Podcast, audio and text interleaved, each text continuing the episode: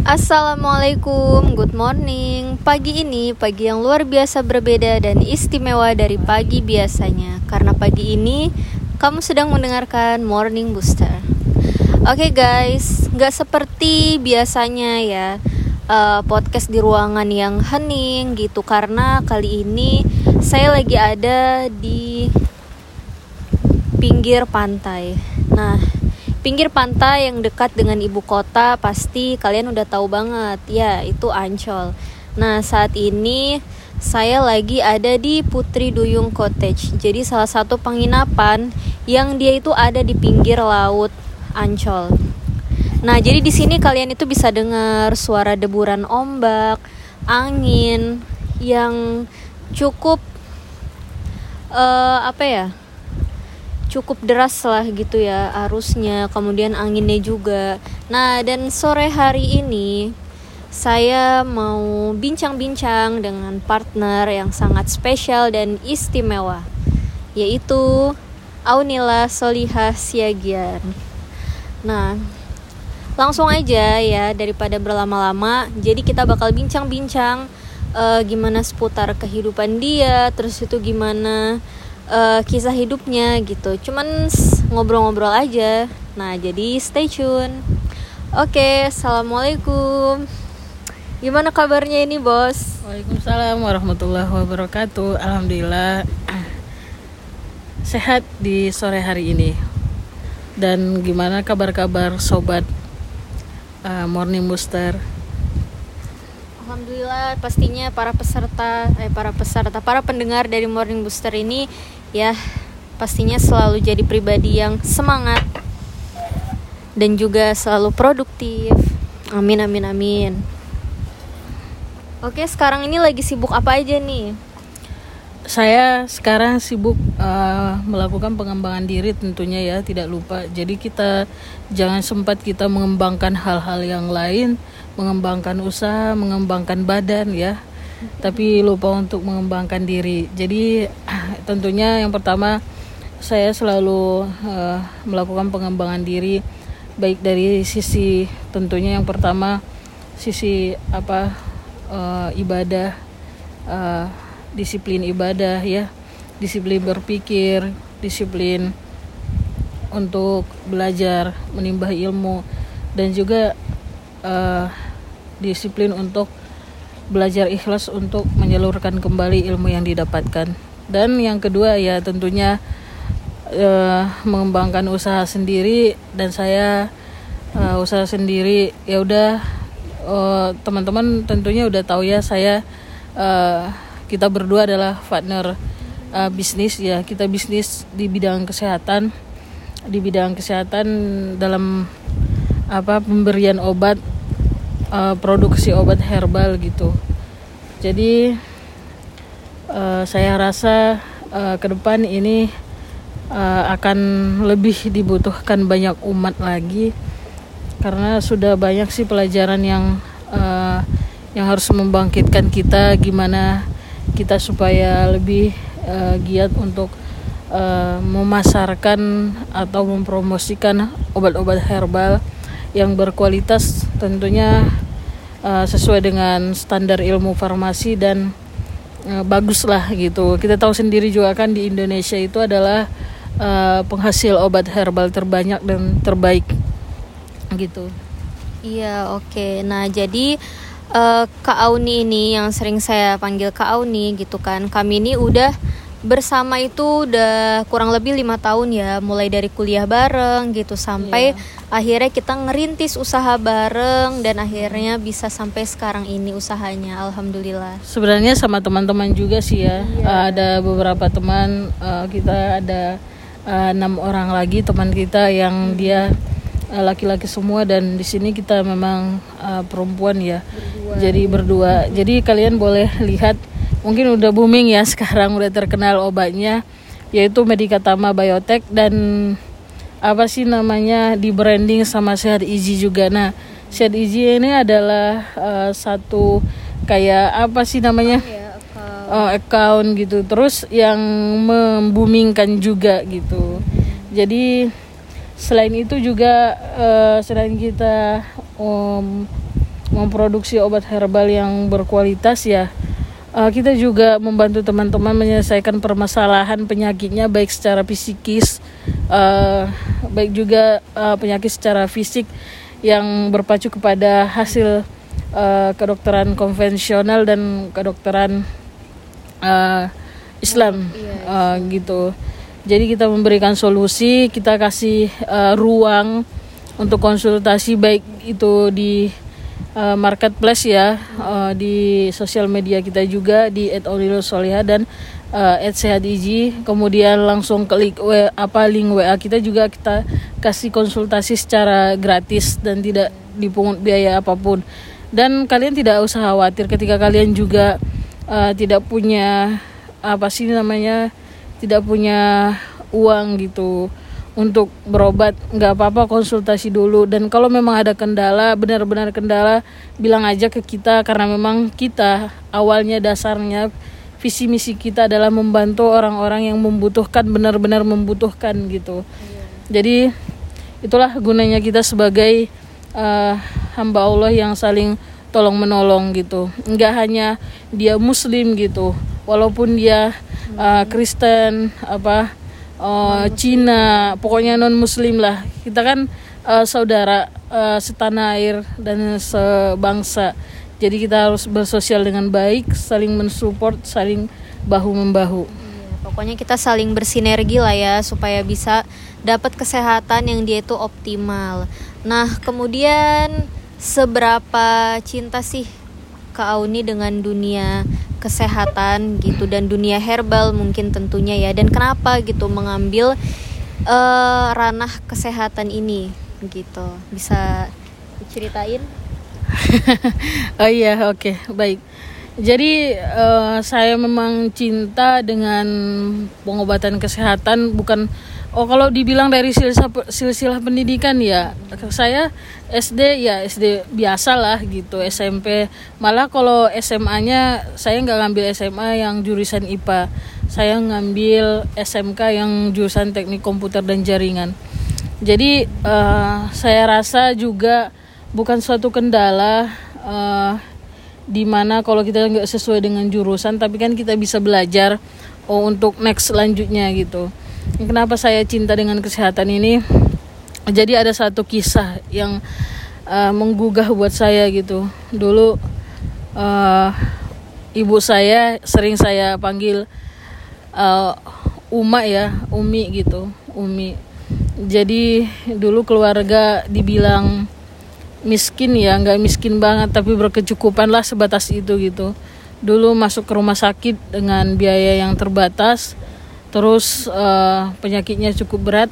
Dan saya rasa ketika orang-orang yang uh, tidak punya banyak uang berlebih itu ya kurang di uh, apa kurang dipedulikan kurang di diberikan fasilitas. Dan waktu itu uh, perut ibu saya udah membesar gitu ya.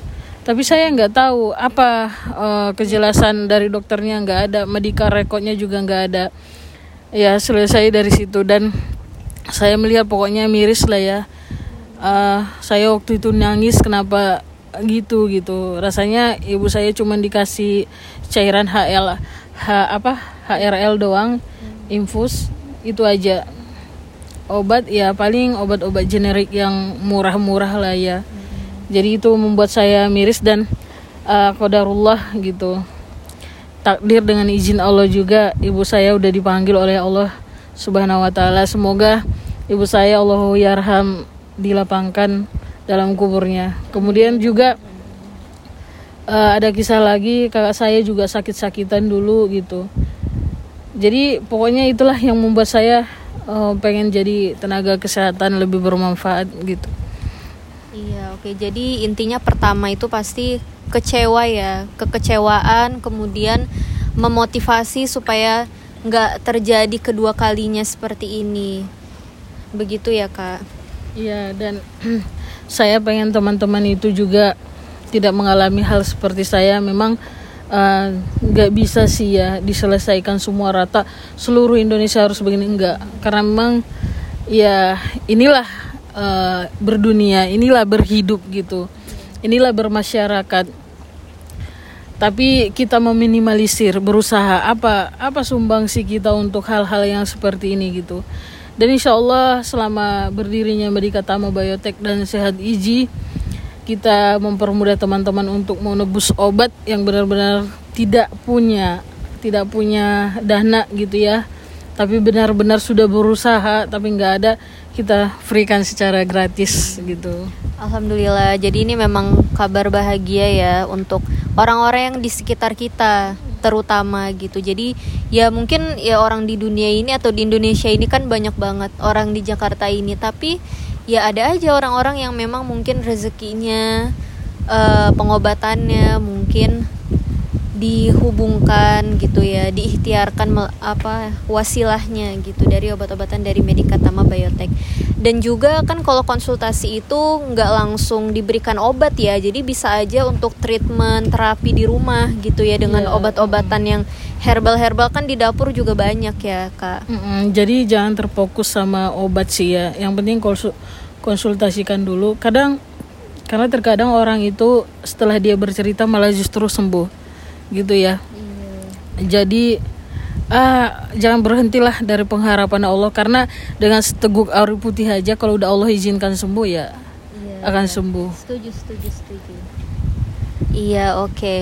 uh, kemudian seberapa pentingnya sih gitu uh, kesehatan obat-obatan uh, di kehidupan ini gitu loh? Dan apakah memang kesehatan ini kan pastinya berhubungannya dengan salah satunya uh, usaha. Kan usaha yang Kak Auni tekuni uh, saya tekuni juga itu herbal ya. Nah ini tuh seberapa besar sih gitu peluangnya untuk di kemudian hari?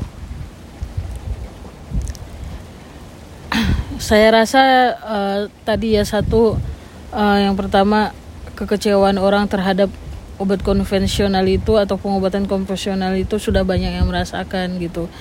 Karena memang juga uh, kurang peluang gitu. Dan di situ uh, dokter sekarang juga um, banyak gitu. Semakin hari semakin banyak yang sakit. Mungkin mereka juga dengan banyaknya pasien-pasien gitu antrinya terlalu banyak akhirnya tidak uh, apa sih namanya tidak tertangani tidak uh, jadi tidak tertangani dengan baik atau konsultasinya tidak bisa seluas hmm. yang diberikan oleh uh, apa namanya terapis atau hmm. kedokteran kedokteran apa tibu nabawi gitu jadi uh, saya rasa ini ke depan bakalan uh, luar biasa ya karena kan semakin akhir zaman itu karena memang kita kembali lagi ke pengobatan sunnah pengobatan alam karena ada satu hadis menyampaikan bahwa nanti di akhir zaman tidak ada kendaraan, tidak ada listrik. Kita kembali ke zaman masa kuda, ke zaman masa dinar gitu, ke uh, ke zaman ke zaman onta gitu.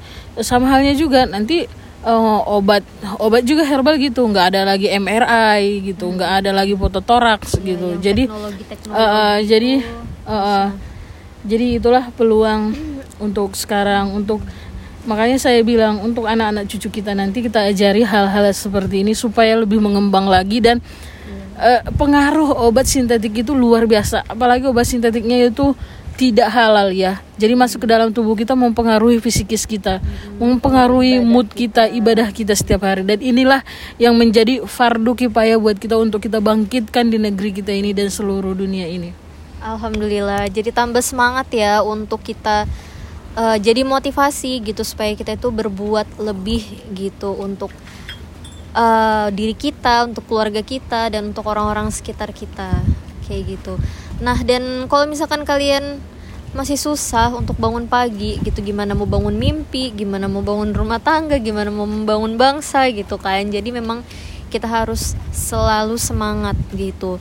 Nah sekarang gimana sih cara Kak Auni itu untuk membangun terus rasa semangat, membangun terus rasa apa ya uh, bahagia ya di dalam diri. Karena kan kadang-kadang kita tuh suka nggak bad mood gitu kan suka bad mood suka males gitu. Karena males itu memang penyakit yang luar biasa. Nah gimana sih cara Kak Auni untuk mengantisipasi rasa-rasa itu? Atau mengurangi lah merilis gitu loh untuk bangkit lagi ya tentunya nggak muluk-muluk. Ya saya juga gimana ya mau mau bilang gitu. Yang pertama nggak muluk-muluk. Satu hal yang kita tahu kita ini butuh Allah pertama. Itu yang membuat semangat. Dan kedua umat butuh kita. Jadi banyak umat yang menantikan kita. Yang ke, yang ketiga adalah banyak saudara saya saudara kandung saya adik-adik saya kakak saya abi saya yang berharap banyak dari saya. Itu yang membuat saya semangat dan terutama ya uh, teman-teman saya kerabat saya adik saya Lutfi Ramadhani juga. Jadi saya juga harus uh, lebih mengembangkan ilmu ini lebih banyak menebar gitu. Salah satu ilmu itu adalah barokah adalah berkembang dan bertumbuh gitu. Jadi uh, kita harus semangat lah gitu. iya betul. Nah gimana uh, para pendengar ya semoga kalian itu selalu semangat tuh jangan patah semangat. Karena nih contohnya gitu. Dan uh, satu hal ya yang saya pelajarin dari Kak Auni ini adalah dia tuh orangnya tuh sangat percaya diri. Sampai saya pikir itu percaya dirinya itu udah ada udah lahir. Udah sejak lahir gitu loh sejak orok gitu. Nah sekarang uh, coba sih kau nih apa ya sharing ke kita gitu. Kenapa sih bisa timbul rasa percaya dirinya itu yang nggak perlu diundang lagi gitu. Jadi itu memang udah refleks aja gitu percaya dirinya dalam event apa pun. Iya ya percaya diri. Ya dibilang refleksi ya mungkin ya. Karena saya merasakan gini ketika saya uh, melakukan satu hal yang menurut saya itu tidak bermasalah tidak mengundang apa kerubutan sara ya ayo ayo aja lanjut gitu ya. Gitu. Dan gini teman-teman saya memang suka suka apa ya namanya suka diperhatikan banyak orang lah gitu. Artinya uh, saya karena saya juga suka berbagi ilmu tentunya juga saya harus uh, saya suka diperhatikan gitu. Dan mungkin juga karena mimpi-mimpi saya besar gitu itulah yang membuat saya pede. Yang penting-penting jangan malu-maluin. Dan sebelum melakukan sesuatu ya tahu dulu. Ah terus gini ada nggak kisah paling apa ya lucu gitu loh ketika emang lagi pede gitu di depan banyak orang? Ya saking pedenya dulu saya waktu itu awal-awal ya sebelum perusahaan kita ini besar ya berkembang pesat gitu Oh, waktu itu ada seminar pembuatan sabun ya. Jadi buat sabun baik itu deterjen cair yang liquid uh, yang alami yang ya. Alami iya, gitu. yang dia nggak dari SL. Jadi uh, saya dulu lagi merintis barang uh, Lutfi ya. Jadi uh, kita buat uh, produk yang namanya Slim and Healthy gitu. Jadi hmm. Slim and Healthy ini notaben dari formulasi obatnya itu adalah hmm, dari minyak kelapa. Jadi ketika orang mengkonsumsi minyak kelapa ini rutin gitu kan, selain dia sehat, dia akan langsing gitu. Nah, saya benar-benar tidak berpikir dulu gitu sebelum maju. Nggak berpikir dulu produk ini saya promosikan dan seperti apa dampaknya ke saya gitu. Ternyata saya lupa kalau saya sendiri gendut gitu. jadi jadi uh, saya bilang ini produk Simen Healthy bisa melangsingkan dan sebagainya lah ya namanya promosi. Dan ketawa gitu orang-orang ketawa dan nanya ya mbak sendiri belum langsing gitu. Ya saya bilang ini saya lagi proses gitu. Ya ya tapi memang benaran itu obatnya segini udah langsing gitu. gitu ya. Dan segini udah langsing gitu. Dan ini udah langsing saya bilang terus uh, ini proses menuju langsing gitu Iya jadi emang beliau ini emang pede banget gitu. Jadi maksudnya nggak takut-takut gitu loh untuk maju ke depan untuk ngomong untuk presentasi. Sehingga menurut saya beliau ini emang cocok banget untuk dealing sebuah project gitu sebuah project supaya emang berhasil. Jadi beliau ini emang mantap. Cuman memang dalam percaya diri tentunya kita harus jujur gitu ya. Iya itu yang memang tipsnya yang penting. Nah Oke ini rasanya. Kira-kira saya jujur nggak? Jujur, jujur. jujur ya. Kan proses ya. Nggak, iya jadi itulah yang yeah. penting banget dan memang percaya diri itu apa ya nggak semua orang memiliki. Jadi ketika emang punya rasa itu itu adalah bakat sih menurut saya bakat yang istimewa jadi emang bekal gitu karena di mana pun kita tuh memang harus bisa percaya sama diri sendiri bahkan hmm. ada suatu momen gitu kan karena dia ini percaya sama diri sendiri sampai uh, dia selalu berpikir positif uh, dengan sesuatu yang belum terjadi. Coba ceritain. Apa ya? Ada satu kisah ada satu kisah yang percaya sama diri sendiri sama sesuatu itu ah ini bakal berhasil ini. Oh iya dulu uh, saya awal-awal merantau ke Jakarta ya ya merantau gitu ya dari uh, Medan loh. dari Medan ya. Jadi oh dulu saya itu uh, di rumah sendiri sama adik saya laki-laki. Jadi saya berpikir karena terbiasa belajar ya. Saya memang terbiasa belajar orangnya kemudian uh, terbiasa bergaul dengan orang-orang yang terpelajar dan orang-orang yang berkecukup berkecukupan lah gitu. Dan saya berpikir, saya kalau di kampung nggak bakalan tersalurkan nih ilmu yang ada di otak, nggak bakalan bisa eksplor lebih jauh nih, lebih luas nih ilmu yang di otak. Jadi saya ngotot pergi ke Jakarta dan saya belum tahu tujuannya di mana, mau ngapain gitu. Tapi kalau misalnya saya juga ngomong ke keluarga atau ke, ke, ke kakak saya lah ya yang dulu membiayai saya juga nggak bakalan dikasih juga gitu kalau nggak jelas tujuannya jadi saya dulu uh, apa nanya-nanya ke teman saya ada nggak sekolah uh, herbal atau tibu nabawi di Jakarta gitu. Dia bilang oh ada namanya Atin di sini sini. Udah saya cukup uh, dengar namanya Atin ya udah itu yang saya kasih tahu ke keluarga. Oh namanya Atin di sini ini gitu. Dan akhirnya nggak nggak dibolehin sih nggak dibolehin karena memang di situ lagi hancur-hancurnya keuangan keluarga lagi bangkrut bangkrutnya keuangan keluarga. Saya malah pengen memilih pergi merantau ke Jakarta. Padahal ongkos dari Medan ke Jakarta itu bukan murah. Pada saat itu bisa sampai 2 juta setengah ya naik Garuda dari Medan sampai Jakarta. Jadi eh, ya udah saya tetap ngotot gitu. Pada saat itu abis saya juga uh, sedang sakit. Begitu saya sampai di Medan mau berangkat ke Jakarta uh, kakak saya nelpon gitu ya. Abi sedang sakit gitu. Ini pilihan kamu. Kamu udah pergi ke Jakarta. Kalau terjadi apa-apa sama Abi kamu nggak bisa pulang. Loh saya mikirnya gimana ya mau pulang? Kalau terjadi apa-apa sama Abi? Padahal saya belum tahu tujuannya nih dalam hati gitu ya. Jakarta ongkos nanti pulang apa gitu ya. Tapi Bismillah lah ya tetap lanjut ke Jakarta gitu ya memang iya tetap ketujuan yang saya bilang tadi atin gitu. Tapi saya nggak tahu apa itu atin bagaimana selanjutnya gitu. Tapi alhamdulillah pendiri atin itu pendiri pendidikan yang saya tempati dulu yang saya kuliah itu baik gitu dermawan gitu menampung saya. Dan saya cuma tiga tiga bulan di sana dan ketemu sama uh, uh, adik saya juga uh, kebetulan juga abang uh, abang apa abang ipar dari Lampung juga ada uh, saudara juga sama ini adik saya ini.